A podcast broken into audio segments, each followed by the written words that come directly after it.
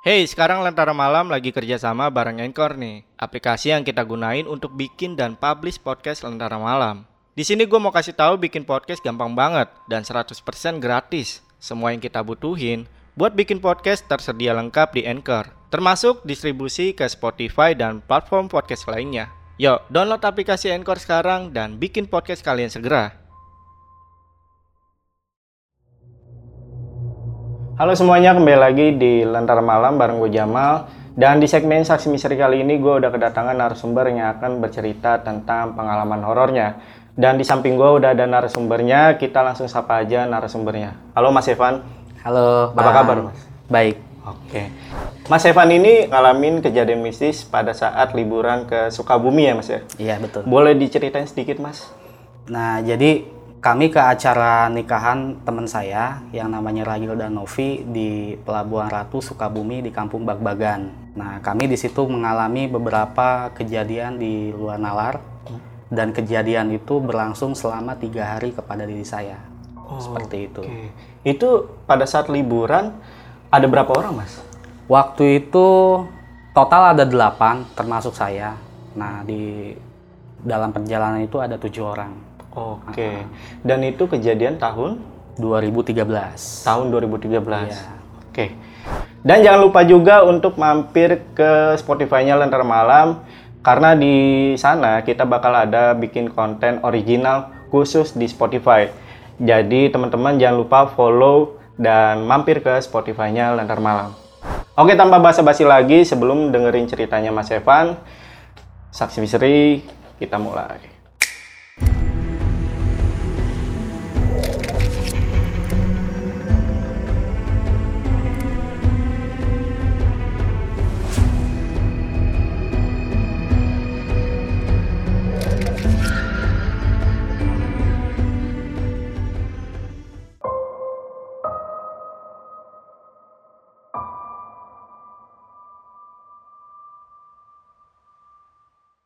Boleh ceritain lengkap Mas gimana ceritanya?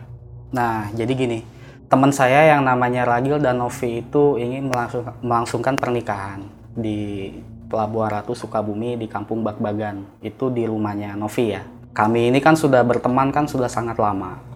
Ah, akhirnya kami merencanakan keberangkatan kami ke acara pernikahan si Ragil. Akhirnya ada tujuh teman saya, termasuk saya berarti berdelapan ya.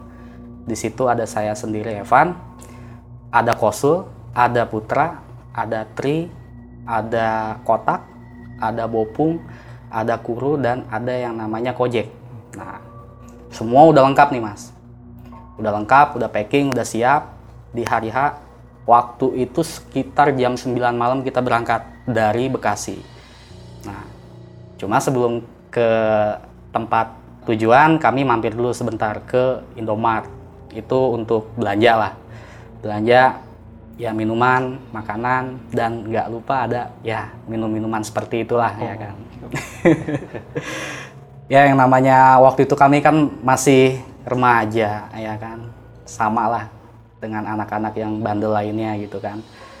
Sampai akhirnya kami berangkat dan di perjalanan kita masuk ke tol Bekasi dan anehnya di situ kami kesasar mas. Kosul ini kan driver berpengalaman ya. Harusnya kan kalau ke Sukabumi itu masuk tol Jagorawi dong. Ini kami lurus mas sampai ke Tangerang. Tapi konsul ini sebelumnya pernah ke Sukabumi juga? Kalau Kosul belum pernah ya. Yang pernah itu Putra. Putra sudah berapa kali ke rumah Novi waktu acara tahun baruan gitu. Nah, tapi kan kalau kita bicara Sukabumi harusnya tahu dong tolnya tol mana gitu kan. Nah, ini kita kesasar. Ya udah akhirnya kita balik arah. Balik arah. Kita buang waktu sampai jam sekitar 10 jam 11-an lah, sekitar jam segitu. Masuk ke Jagorawi. Itu nggak ada masalah sampai akhirnya kita keluar sampai ke Ciawi, ya kan.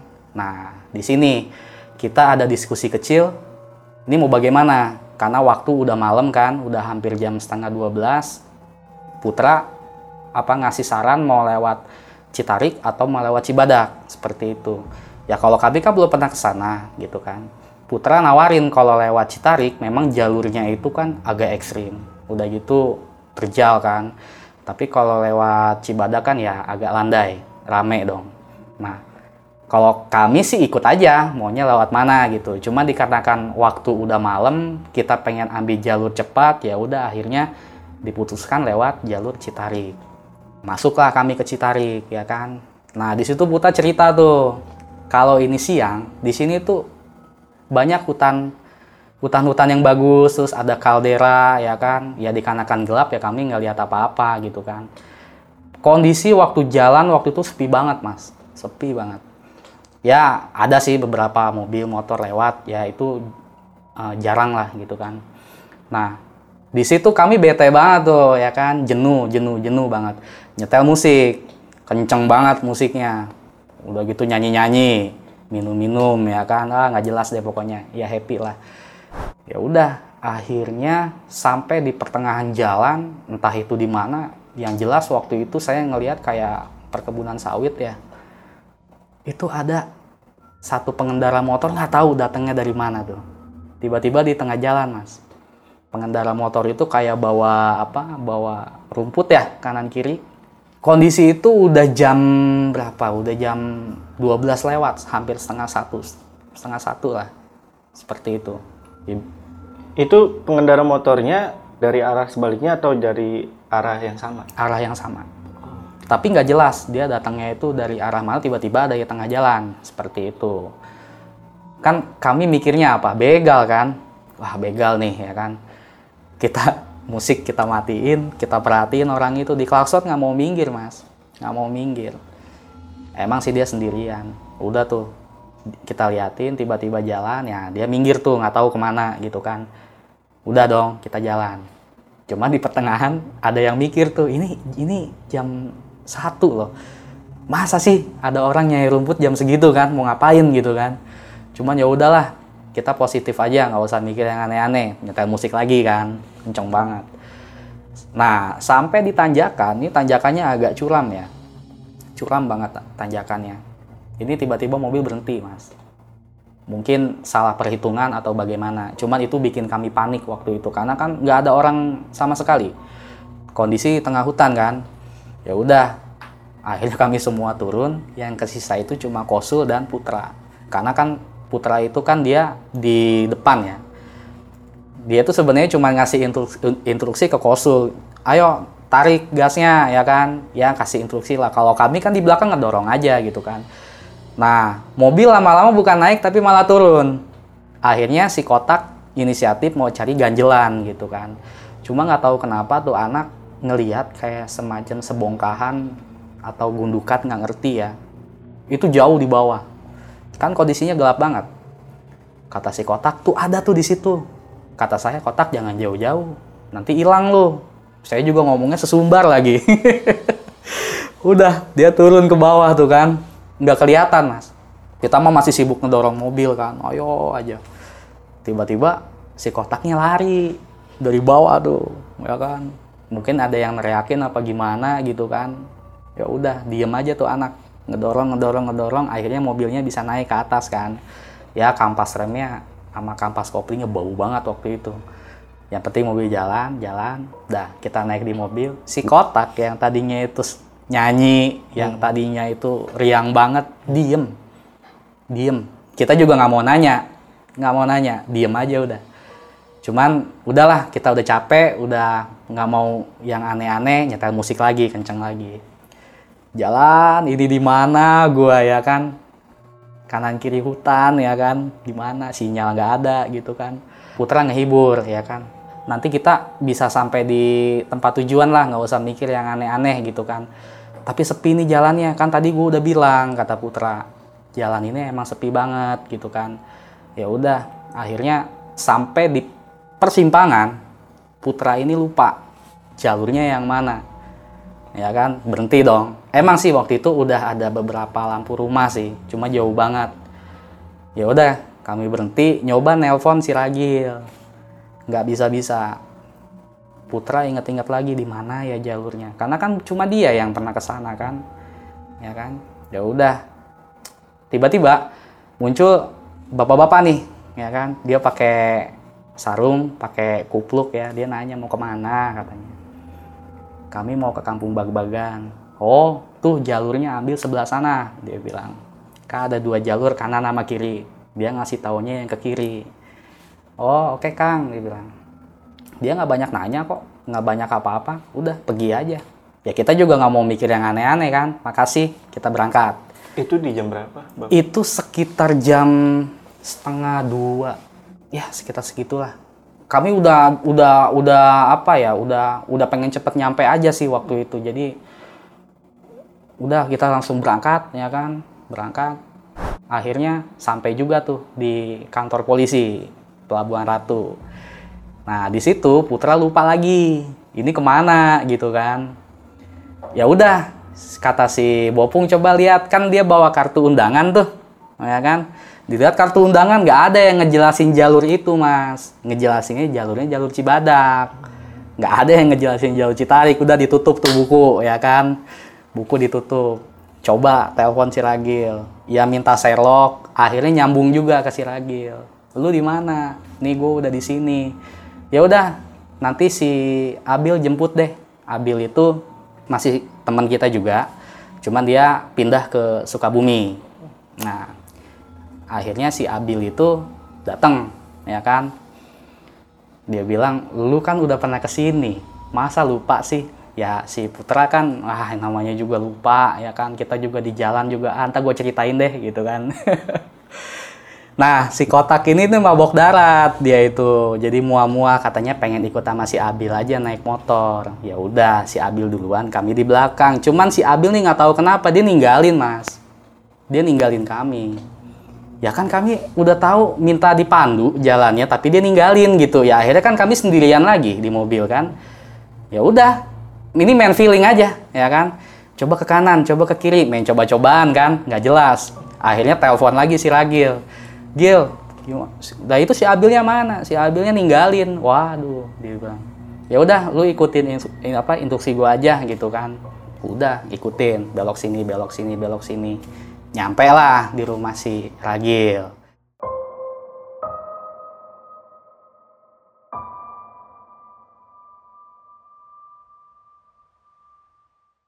Waktu itu udah mau subuh sih waktu itu. Uh, udah banyak yang pada pengen ke masjid kan. Ya rombongan yang lain juga udah sampai. Ya kami seneng banget kan udah nyampe. Ketemu sama Novi. Novi udah bangun ya kan. Ya udah terus ketemu sama yang lain. Kami ketemu juga sama uaknya Novi ya kan? Udah terus istirahat ngobrol. Kami nggak nyeritain itu waktu kondisi di mobil itu kayak apa. Perjalanan perjalanan itu nggak diceritain. Nah akhirnya kami dikasih tahu sama si Ragil nanti jam 7 katanya mau akad. Ya udah siap-siap aja. Itu kami belum tidur mas. Mungkin si konsul mah merem-merem ayam lah gitu kan. Ya udah kami juga nggak ngantuk seneng banget kan kondisinya kan. Udah mandi makan. Nah sampailah acara pernikahan. Alhamdulillah Ragil sama Novi udah siap bahkan sekarang dia anaknya udah dua. Selesai acara resepsi. Itu pakai acara adat loh. Keren banget acara adat Sukabumi itu. Wah luar biasa pokoknya urutan urutan urutannya itu rapi ya kan? Wah pokoknya meriah banget hebat deh pernikahannya waktu itu. Nah terus sampai jam 12 siang kami izin pamit. Nah izin pamit terus dia nanya mau ke mana? Mau langsung pulang atau mau ke mana? Nah kami kan dari awal udah ngerencanain pengen main ke pantai. Mau ke pantai dulu Wak dia bilang. Nah Wak ini berpesan di sana jaga sikap baik-baik. Jangan yang aneh-aneh gitu kan kalau bisa jangan sampai maghrib di sana. Nanti kenapa-napa gitu kan. Sepertinya itu nasihat kan. Ya kita mah iya iya aja gitu. Iya iya. Udah kita pamit pamit pamit. Terus udah gitu berangkat. Yang saya inget tuh ngelewatin hotel Samudra waktu itu. Ngelewatin nama saya kan ngelewatin. Ya biasa nyetel musik ya kan. Udah gitu nyanyi-nyanyi happy banget. Sampai di pantai. Itu kita senang banget Senangnya kenapa? Itu acara liburan itu kami bareng-bareng sama temen-temen nih. Itu momennya jarang banget tuh kayak begitu. Momen kebersamaan itu tuh jarang banget. Oh, udah kita happy banget kan. Kita lari tuh ke pantai. Wah, pokoknya main-main deh ya kan, main-main. di situ waktu itu sepi banget sih nggak ada pengunjung ya cuman kami doang deh kayaknya nah udah waktu itu udah agak siang sekitar jam satuan mungkin capek ya kami neduh. Eh si kotaknya nyeletuk. Aduh bosen nih laki-laki semua. Coba deh dia ngajak saya kan. Coba yuk kita ke sana. Ya udah sekalian nyari surfing aja nanti kita balapan ya kan? Ya udah papan surfing seluncur itu yang kecil. Ya udah uh, saya sama kotak itu jalan. Terus kata yang lain jangan jauh-jauh. Ya benar apa yang kita cari itu ada. Ada perempuannya ada surfingnya eh, emang rezeki nggak ke mana. Udah surfingnya berapa? Kata si perempuan itu saya nggak jualan surfing mas dia bilang. Lah terus ngapain? Enggak saya cuma duduk aja di sini. Loh sama siapa? Gitu kan. Diem. Ya udah gini aja deh. Ikut aja yuk digituin kan. Dia mau si perempuan itu. Ya saya tanya nama dong. Namanya siapa? Namanya puput. Oh puput dia bilang. Ya udah. Di jalan mungkin dia takut ya ngelihat kami itu temennya banyak. Dikirain cuma berdua doang kan hmm. taunya ada banyak. Ya udah kenalan kenalan kenalan. Teman-teman kami kan wah ada perempuan nih hmm. gitu kan. Teman saya nih ada yang nyeletuk. Temennya ada gak? Dia bilang ada kata si puput. Ada temen saya berapa banyak? Banyak. Wah langsung dong. Tikar digulung semua dirapiin. Ayo kita berangkat. Akhirnya kita berangkat ke tempat si puput. Emang bener perempuannya banyak banget. Ya kan? Ya kayak semacam warung. Ya warung pada umumnya. Cuman itu warung cuma sendirian. Nggak ada tetangga tetangganya itu.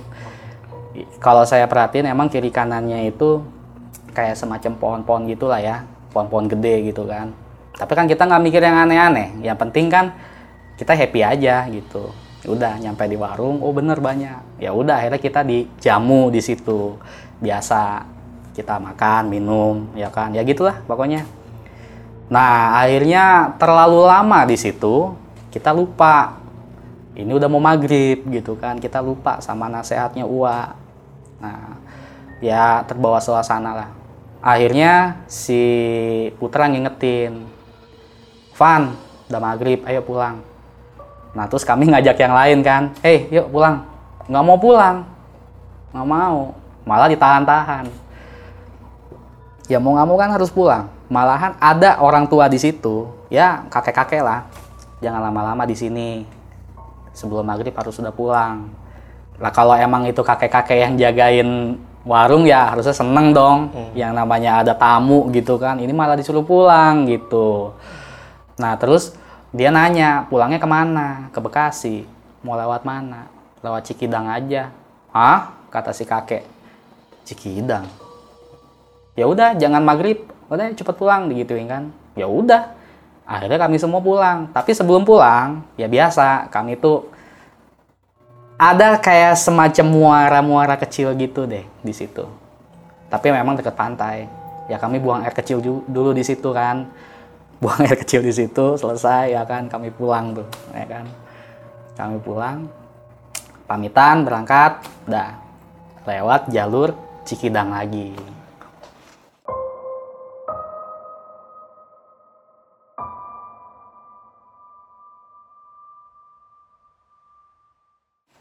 jalan. Kondisi udah maghrib. Udah ajan ya udah ajan ajan kita pulang tetap masuk ke ya nggak ngerti deh ya kan? Di situ ada kayak hutan bambu. Masuk lagi ke dalam hutan lagi. Kondisinya juga nggak rame-rame amat gitu sepi. Nah tiba-tiba saya ini kan orangnya nggak bisa minum banyak-banyak ya ya kan mungkin waktu itu saya mual. Kepala saya berat banget. Ya minta Sul coba dong berhenti dulu. Kayaknya gue mual nih. Ya kan diketawain sama temen dong. Alo ya udah sih dah. Turun.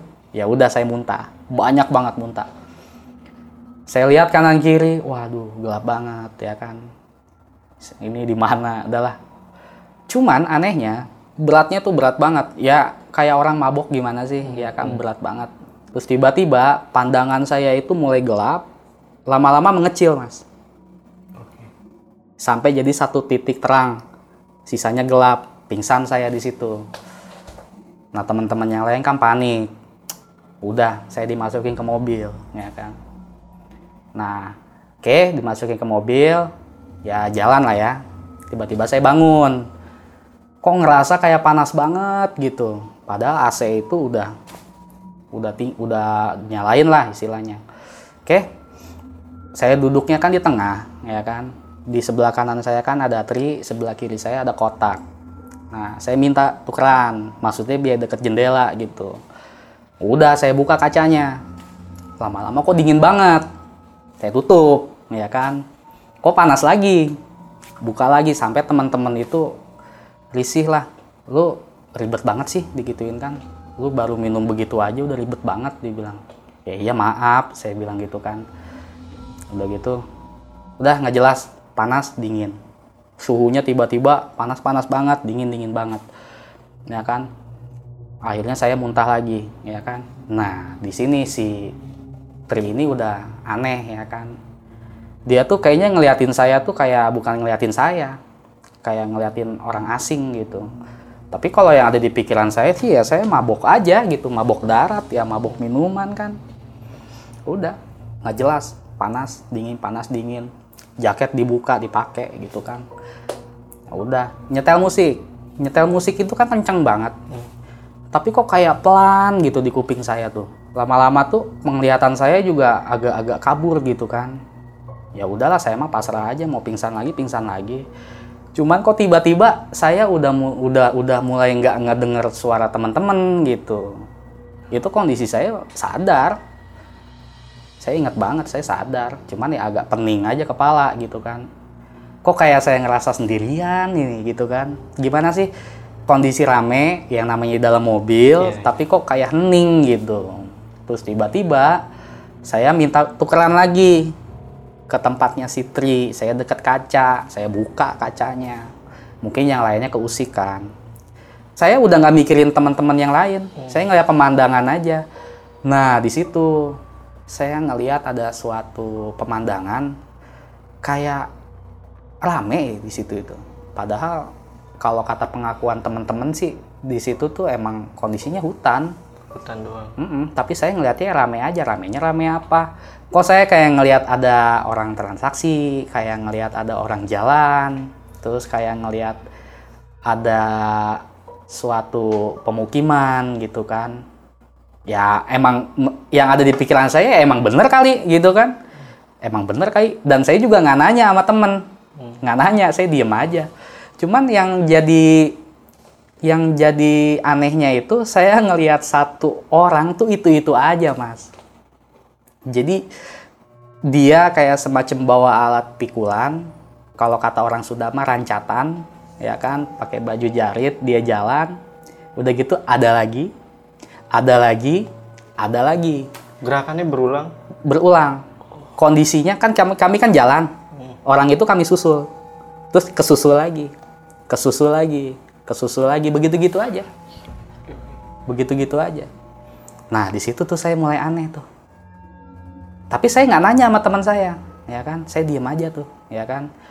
Nah tiba-tiba berat banget pundak saya tuh ya kan? Pikiran saya tuh mual gitu kan mual. Ya udah saya muntah lagi ya kan? Dan sampai di situ saya udah nggak tahu. Istilahnya kondisinya kan udah udah udah badan saya tuh udah nggak enak banget mas ya kan? Ya bisa dikatakan saya pingsan lah ya kan dah saya nggak tahu tuh nah ini beralih ke tri sudut pandang tri ya sudut pandang tri ke sudut pandang tri waktu itu tri ngelihat saya itu emang udah gelagatnya udah aneh ya kan karena muntahnya itu bisa dibilang kayak bukan muntah orang sakit gitu, bukan hmm. kayak muntah orang yang mabok gitu. Bisa dibilang seperti itu. Nah, akhirnya saya dipindahin ke tengah kan tadinya kan saya di pinggir ya kan kondisi saya itu tidurnya telentang jadi duduk tapi ngerebah gitu bukan ngeringkel apa gimana enggak Nah katanya menurut pengakuan si Tri tiba-tiba sayanya bangun mas. Tegak banget duduknya. Tegak banget. Terus udah gitu tiba-tiba kepala saya tuh noleh ke Tri. Noleh. Dengan kondisi mata saya masih merem kan. Noleh. Terus nengok ke kiri. Noleh. Ya kan. Terus udah gitu Tri bilang saya tuh ngeregangin tangan tiba-tiba gemulai saya nari seperti itu. Boleh dicontohin kayak gimana? Aduh, kalau dicontohin mungkin saya kan orangnya kan gimana ya, kaku ya. yang namanya nari-nari begitu tuh kaku banget. Cuma kalau menurut pengakuan kotak, jadi ada satu gerakan, ya kan kotak kan sebelah kiri nih, ya kan. Jadi tangan saya itu ngelambai ke kiri sampai kena mukanya dia nih. Tapi si kotak itu kan berusaha pengen apa ini tangan saya supaya nggak kena mukanya cuma nggak bisa keras banget padahal menurut penglihatan yang lain tuh ya gemulai gitu lembut gitu kan malahan Tri bilang suara saya itu udah beda. Udah bukan suara saya lagi. Sampai tatapan mata saya pun istilahnya udah udah kayak perempuan lah istilahnya seperti itu. Senyum-senyum gitu kan. Cuman nari-nari aja gitu nari-nari sambil duduk gitu kan. Nah sampai Tri itu melakukan sesuatu ya kan. Dia coba interaksi. Nah ditanya kamu siapa? gitu kan. Nah itu nggak ngejawab. Dia cuma senyum-senyum aja tuh ya kan. Udah gitu ditanya lagi kamu siapa? gitu kan. Akhirnya ngejawab. Dia ngakunya itu Nyai Sekar Arum. Seperti itu. Kan yang lain kan langsung istighfar teman-teman yang lain. Yang tadinya lagi nyanyi-nyanyi yang tadinya lagi itu sampai putra juga apa nyalain kameranya malah ngerekam kan. Udah. Akhirnya saya lagi nari sambil ditanya sama Tri ya kan yang lain istighfar tuh nah udah cuman nari seperti itu tapi di sisi lain yang saya rasakan waktu itu saya cuma ngerasa saya itu kayak seperti di ruangan sepi gitu loh. Entah itu mimpi atau apa. Dan tiba-tiba ada suara menggema banget. Nggak tahu itu suaranya dari mana. Menggema banget. Dia cuma bilang kalau kami sudah melanggar hukum tata krama. Seperti itu. Detailnya seperti apa kan saya nggak tahu. Ini suara dari mana? Ini siapa? Gitu kan. Kondisi itu gelap banget waktu itu. Dan tiba-tiba kedengaran suara kerincingan.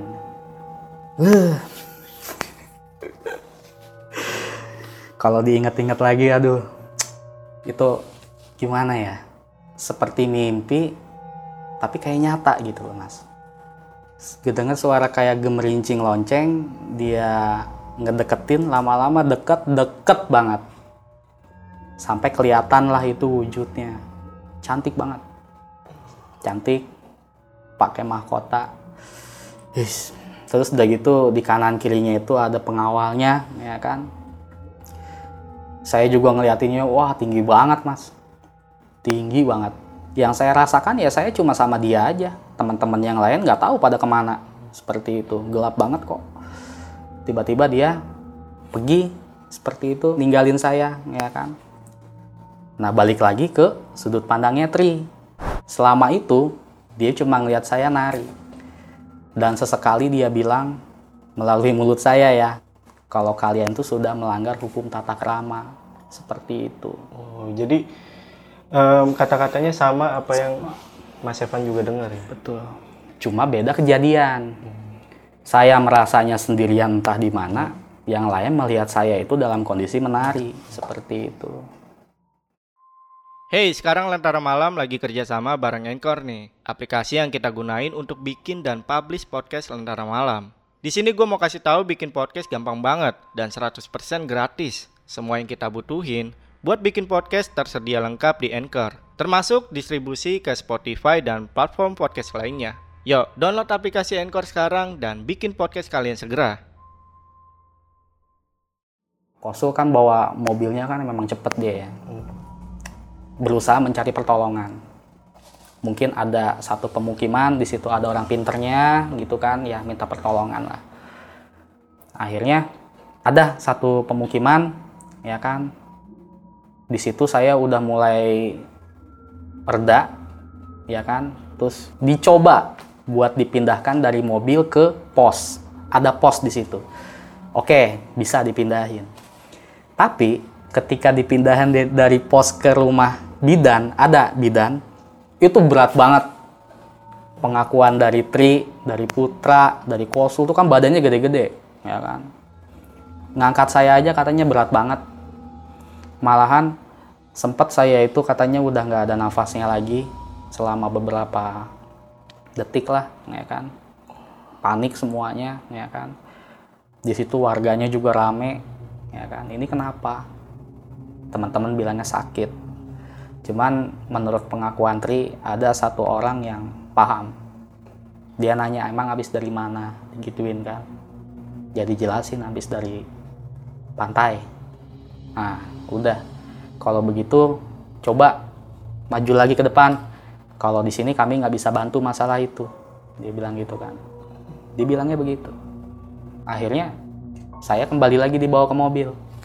Ya kan? Kondisinya berat banget, berat banget. Dan menurut pengakuan Tri, jadi di tangan saya itu ada satu titik, ada satu titik nyebar warna biru. Jadi agak kebiru-biruan tangan saya itu. Jadi kayak semacam urat-urat kecil gitu ya, biru. Saya ngerasain waktu itu ya udah tidur aja, udah udah nggak tahu lah gitu kan. Cuman menurut pengakuan teman-teman ya udah udah udah di luar nalar lah istilahnya. Kenapa ini bisa begini gitu kan? Malah sampai keluar ucapan kalau kami sudah melanggar hukum tata krama seperti itu. Akhirnya kami keluar dari jalur Cikidang. Rencananya sih pengen dibawa ke rumah sakit waktu itu. Ada yang usul, udah bawa aja ke rumah sakit gitu kan. Cuma nggak tahu kenapa tiba-tiba saya bangun udah sampai di rest area Bogor sampai di rest area Bogor ya kan. Saya bangun tuh mas, bangun. Sampai saat itu pun saya nggak tahu sebenarnya apa yang saya alamin gitu. Hmm. Ya bangun bangun aja. Teman-teman saya mana nih gitu kan? Saya udah pakai sarung tuh. Saya juga nggak tahu sarung siapa yang pakein kan. Udah. Kan jadi mobil diparkir depannya itu kan McD ya, rest area ya itu kan teman saya kan saya ngeliat dong itu teman gue gitu ya udah samperin disamperin semuanya diem nggak ada yang nanya ke saya nggak ada yang nawari makan juga ya kan diem semuanya ngeliatin saya tuh kayak orang ketakutan gitu ya kalau saya mah cuek aja ya kan? Ya duduk. Cuma duduk ya udah duduk aja. Biasa kan saya suka ngerokok ya kan? Cuma kok ngerasa badan nih kayaknya sakit banget gitu. Lemes banget gitu kan? Semuanya diem ngeliatin saya ya kan? Saya juga aneh. Pada kenapa sih? Gitu kan? Cuma saya nggak nanya. Saya diem aja ya kan? Mereka diem ya saya juga diem gitu kan? Udah masuk lagi ke mobil ya kan? Saya ngantuk lagi tuh. Saya tidur lagi kan? Tidur lagi tiba-tiba udah sampai aja di rumah di Bekasi cuman saya nggak dianterin ke rumah saya ternyata mampir dulu ke rumah orang tuanya si Bopung. Nah, bapaknya si Bopung ini kan ustadz, ya kan, dia paham masalah itu. Saya tuh masih belum sadar. Ya saya kira mau nganterin Bopung pulang dong, ya kan. Ternyata bapaknya Bopung marah-marah di situ. Sampai saya keluar dari mobil, emang tadi ngapain di sana, digituin kan. Hah? Ngapain ya? Saya juga bingung kan Makanya kalau misalnya nggak mau kejadian seperti itu, ya kalian jangan berbuat yang aneh-aneh. Pokoknya bapaknya si Bopung tuh marah banget. Sempet bapaknya si Bopung itu istilahnya dia baca doa, ya kan dia ngeliatin saya kan. Udah gitu sampai istilahnya saya juga masih bingung ini apa ini yang terjadi kan. Udah tuh kami bubar. Kondisi itu udah malam banget. Udah hampir jam berapa? Udah hampir jam 12 malam kali. Ya kan. Udah kami bubar, kami pulang biasalah bangun pagi normal ya kan bangun pagi normal nah cuman ini ada satu kejadian nih ketika saya tidur menurut pengakuan ibu saya ya saya tuh nggak mau tidur di kamar saya. Saya pengennya gabung sama ibu saya sama adik saya. Nggak tahu kenapa. Ya udah saya tidur di tengah. Di kanan itu adik saya, di kiri ibu saya. Tiba-tiba saya bangun, Mas. Bangun duduk maksudnya, duduk. Ibu saya kan bingung, nah apa ya kan? Tiba-tiba saya noleh ke kiri, noleh ke kanan. Nah, ibu saya kan mungkin kenapa gitu kan? Dia bangun, saya lagi nengok ke kanan, ya kan? Ibu saya nengok ke saya. Begitu saya nengok ke ibu saya, kan udah ada pada depan nih muka nih, ya kan? Itu katanya saya itu ngangguk, senyum sambil ngedipin mata. Itu ibu saya langsung lari sama adik saya tuh lari itu nggak tahu ke mana dan kata ibu saya sempet diintip saya tuh masih nari mas.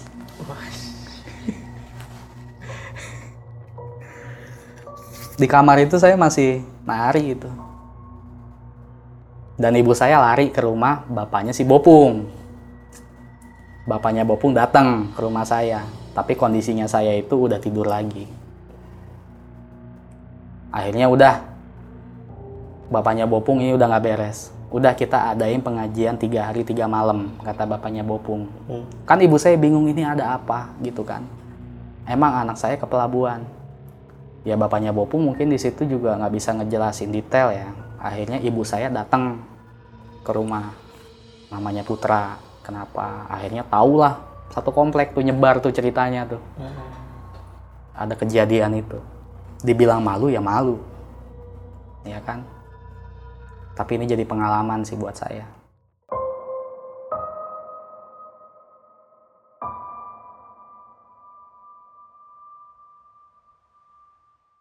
Selesai di situ saya sadar saya diceritain lah sama ibu saya yang tadi itu.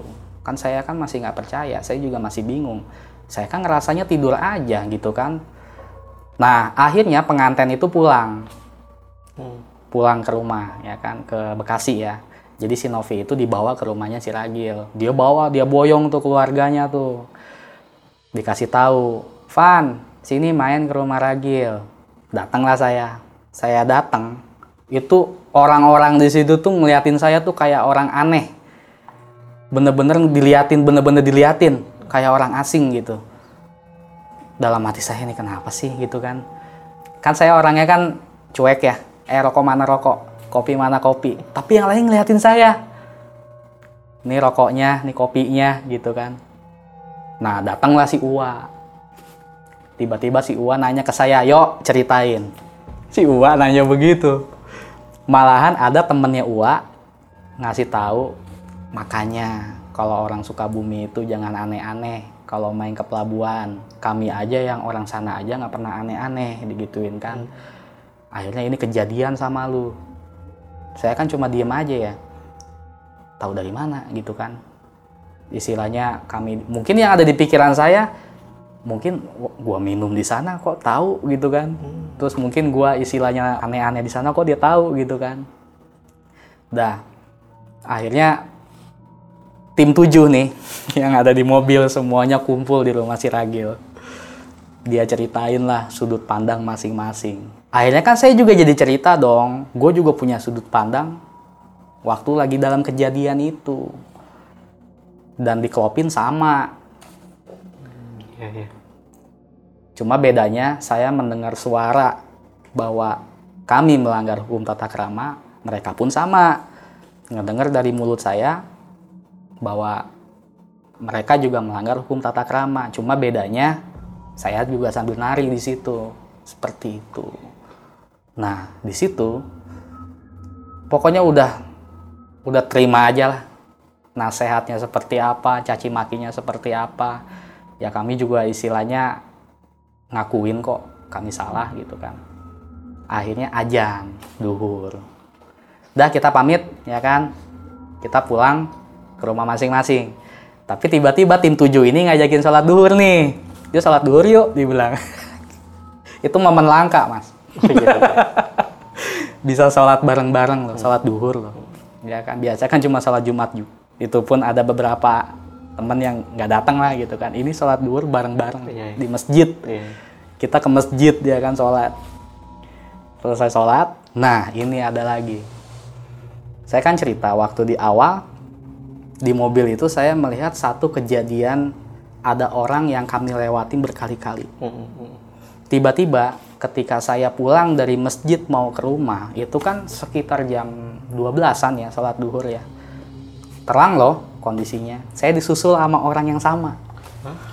Iya. Dia bawa rancatan ya kan? Dia nyusul saya. Dia belok tuh ke kiri. Ya saya nggak sadar. Saya kira tuh mungkin tukang gali pasir emang kadang suka ada sih gitu kan? Yang lewat-lewat tukang-tukang begitu kan? Tiba-tiba saya disusul lagi itu udah yang kedua kalinya. Disusul lagi untuk yang ketiga kalinya. Di situ saya berhenti. Ah saya jadi ingat sama kejadian yang waktu itu. Ya kan? Aduh. Dah tuh.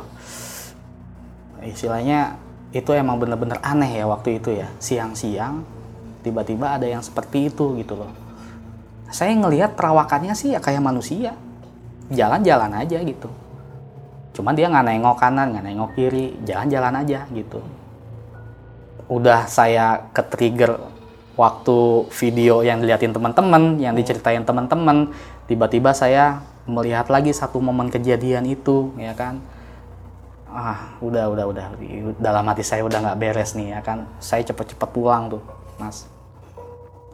Udah saya langsung nggak tahu lah istirahat ya kan. Sampai besok paginya saya bangun apa yang saya lihat waktu kejadian saya dalam kondisi gelap di mobil saya melihat kan satu wujud sosok perempuan. Mm. dia pakai mahkota cantik banget. Itu ada di rumah saya. Dia lagi duduk di ruang tamu. Kondisi posisinya tuh nyamping begini. Wah seperti itu. Jadi ini kan pintu pintu kamar saya nih ya kan? Karena di sini ada TV di depan sini. Dia duduknya nyamping begini. Gitu. Itu kan saya langsung terpaku dong. Saya terpaku tuh ngeliat dia. Ini kayak waktu itu. Dan dia noleh ke saya mas. Duduknya nyamping begini. Dia noleh seperti ini ya kan? Tiba-tiba dia senyum ngangguk seperti itu. Udah saya lemes di situ mas saya duduk di situ lemes lama banget. Ibu saya datang. Udah udah nanti malam kita ada pengajian seperti itu. Udah tuh. Saya ngeliatin ibu saya juga kayak orang bingung gitu ini kenapa? Udah akhirnya pengajian maghribnya. Semua dikumpulin. Malu-malu tapi udahlah gitu kan. Tim 7 datang ya kan? Udah gitu Novi Ragil pun ah, datang ya kan di situ saya menari lagi mas di tengah-tengah pengajian Serius itu mas? menurut pengakuan Novi, saya melihat ke, lagi nari itu ngelihat ke Novi, ngangguk lagi sambil senyum. Ragil pun ngeliat. Di saat lagi ada kumpul, tiba-tiba saya nari, tiba-tiba senyum aja seperti itu. Sampai pengajian selanjutnya. Dan alhamdulillah di pengajian yang terakhir semua udah nggak ada apa-apa. Sepertinya sudah normal seperti itu meskipun ketakutan saya tuh selalu ada ya. Itu selama satu minggu saya nggak berani tidur sendiri itu. Saya sama orang tua saya terus. Malahan orang tua saya juga suka merhatiin saya nih gelagatnya gimana gitu kan. Waduh, udah Takut tiba-tiba kesurupan kali lagi. takutnya seperti itu. Sebenarnya sih dibilang kesurupannya ya menurut pengakuan yang lain tuh ya cuma gitu aja. Hmm. Cuma duduk, nari, ngeliatin orang senyum, udah gitu-gitu aja. Iya. Sampai suatu ketika saya ketemu sama kakek saya. Ya, beliau cerita bahwa kakek pun sendiri istilahnya meskipun orang Sukabumi itu kalau ke Pelabuhan Ratu itu sangat menghormati adat di sana. Hmm. Nah, kamu masih mending istilahnya dikasih peringatan seperti itu tapi terus serang aja uh, waktu itu kakek emang ya agak sedikit jengkel sama saya ya kan karena kelakuan saya nggak bisa menjaga tata krama di sana ya kalau saya pribadi memang ya saya ngaku memang salah seperti yang saya lakukan di sana gitu kan bahkan Novi pun yang memang orang asli Bakbagan Pelabuhan Ratu yang namanya muara yang namanya apa pokoknya tempat-tempat yang asing itu mereka nggak berani macam-macam hmm. dan saya kencing di situ iya, iya. dan bahkan menurut pengakuan Novi pun sebenarnya dia jengkel juga sama saya gua aja yang asli orang sana aja itu nggak berani. Lalu istilahnya orang jauh. Lu siapa? Kok tiba-tiba lu kurang ajar? Di situ ya wajar lah gitu kan. Seperti itu. Ya jadi dari kejadian itu memang ada beberapa sudut pandang yang terlibat mas. Hmm. tapi memang uh, yang saya sampai yang saya ceritakan hari ini ya cuman dari sudut pandang saya dan Tri. Hmm. Bahkan saya yakin Tri pun masih punya beberapa sedikit cerita mengenai sudut pandangnya atau bahkan teman-teman saya yang lainnya seperti itu. Ya mungkin cerita saya cukup sampai di situ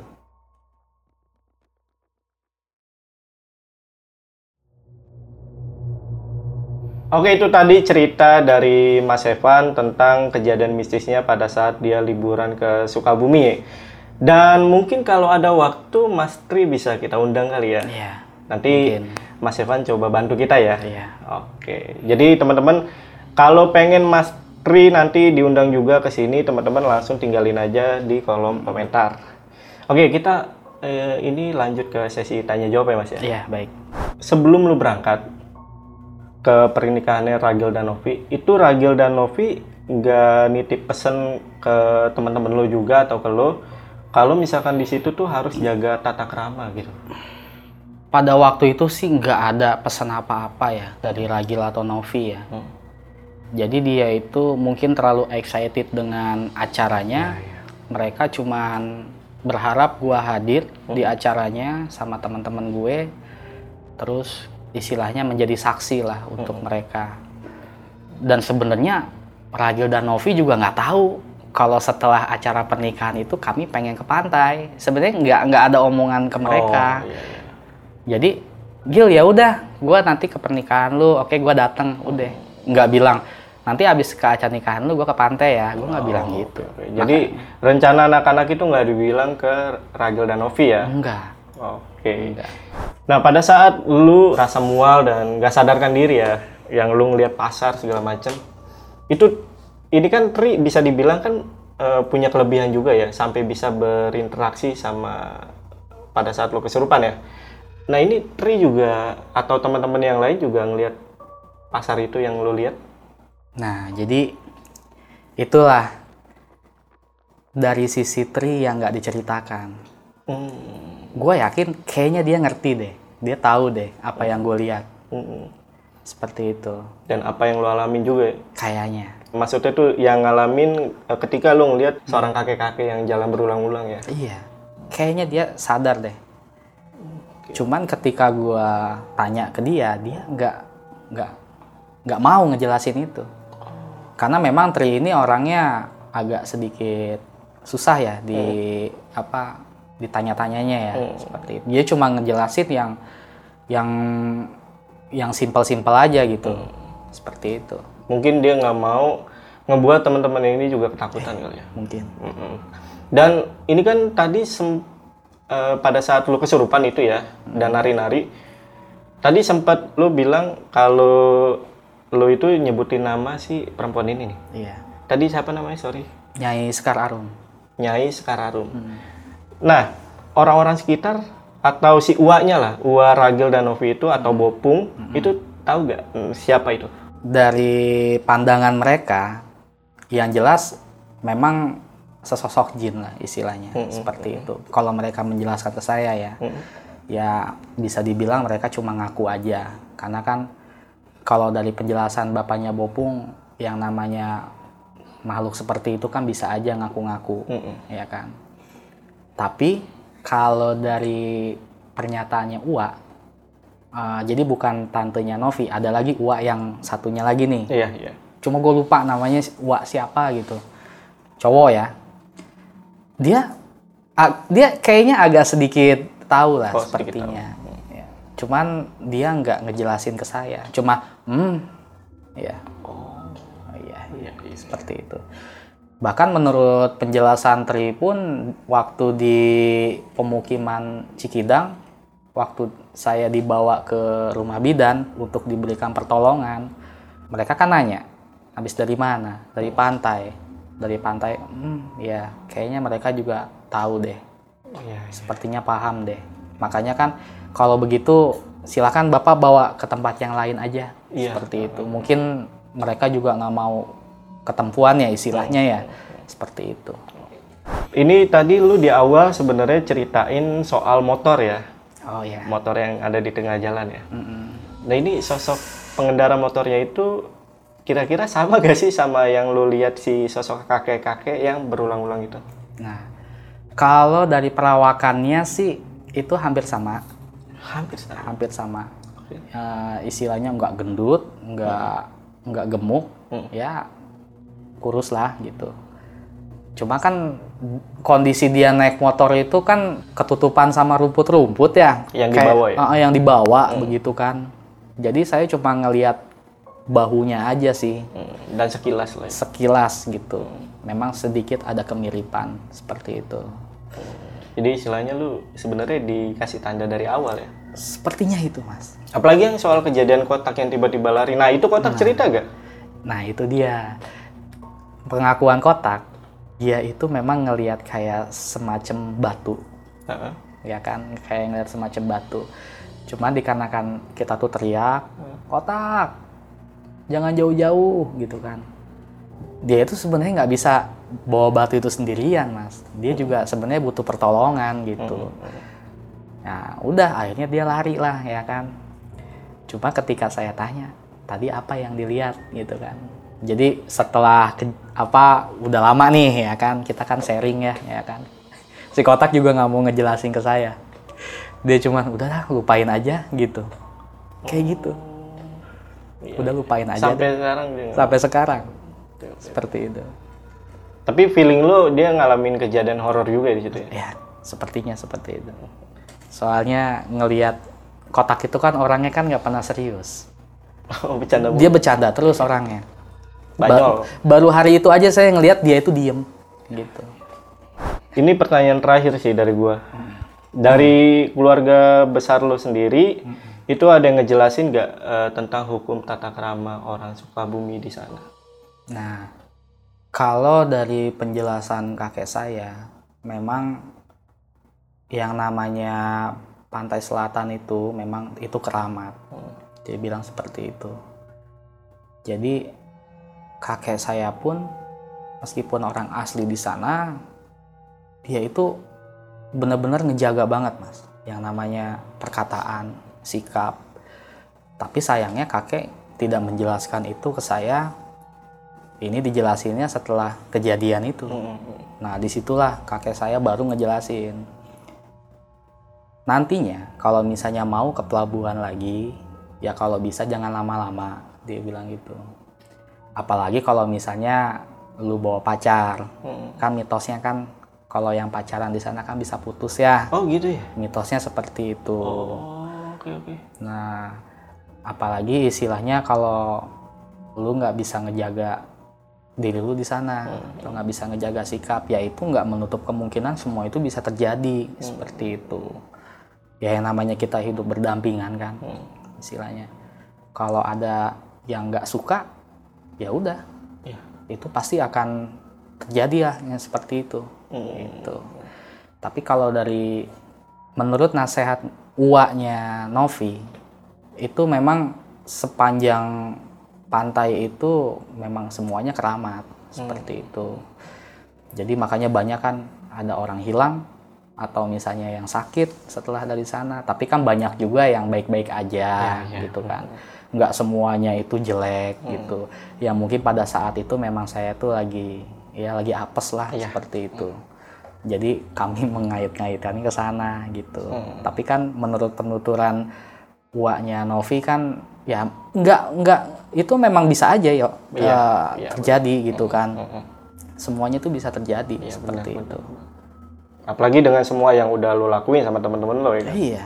Itu bagi kami ya memang ya sudah kami pasti terima gitu tapi syukurnya sampai sekarang kami tuh alhamdulillah baik-baik aja Iya. kami sehat semua bahkan teman-teman kami semuanya udah kehidupannya udah luar biasa sukses semuanya Oke. seperti itu Dan mungkin ini ada penonton Lentera Malam yang juga dari Sukabumi ya. Ini gue pengen tanya eh, tentang mitos tadi kalau misal bawa pacar Iya. bisa putus ya. bisa put Itu kalian bisa langsung aja komen di kolom komentar. Itu gimana menurut kalian mitos tersebut?